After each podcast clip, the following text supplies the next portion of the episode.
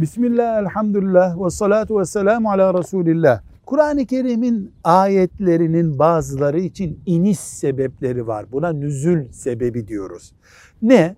Filan sahabi şöyle bir iş yapıyor. Allah bir ayet indiriyor. Filan olay oluyor. Şöyle bir ayet iniyor.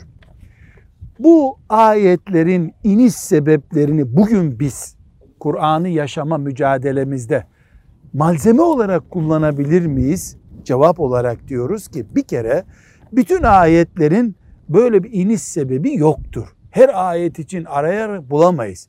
Kur'an'ımız zaman ve mekan olarak evrensel bir kitaptır. Ebedidir, sonsuzdur.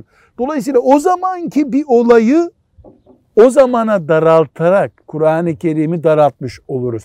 Netice olarak Müslüman Kur'an-ı Kerim'in o gün iniş sebebini oluşturan olaylardan, sebeplerden istifade edebilir. Zaten bunlar çok az ayetler için biliniyor.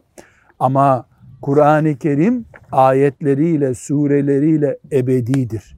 Bütün dünya, evren ve bütün zamanlar içindir kıyamete kadar.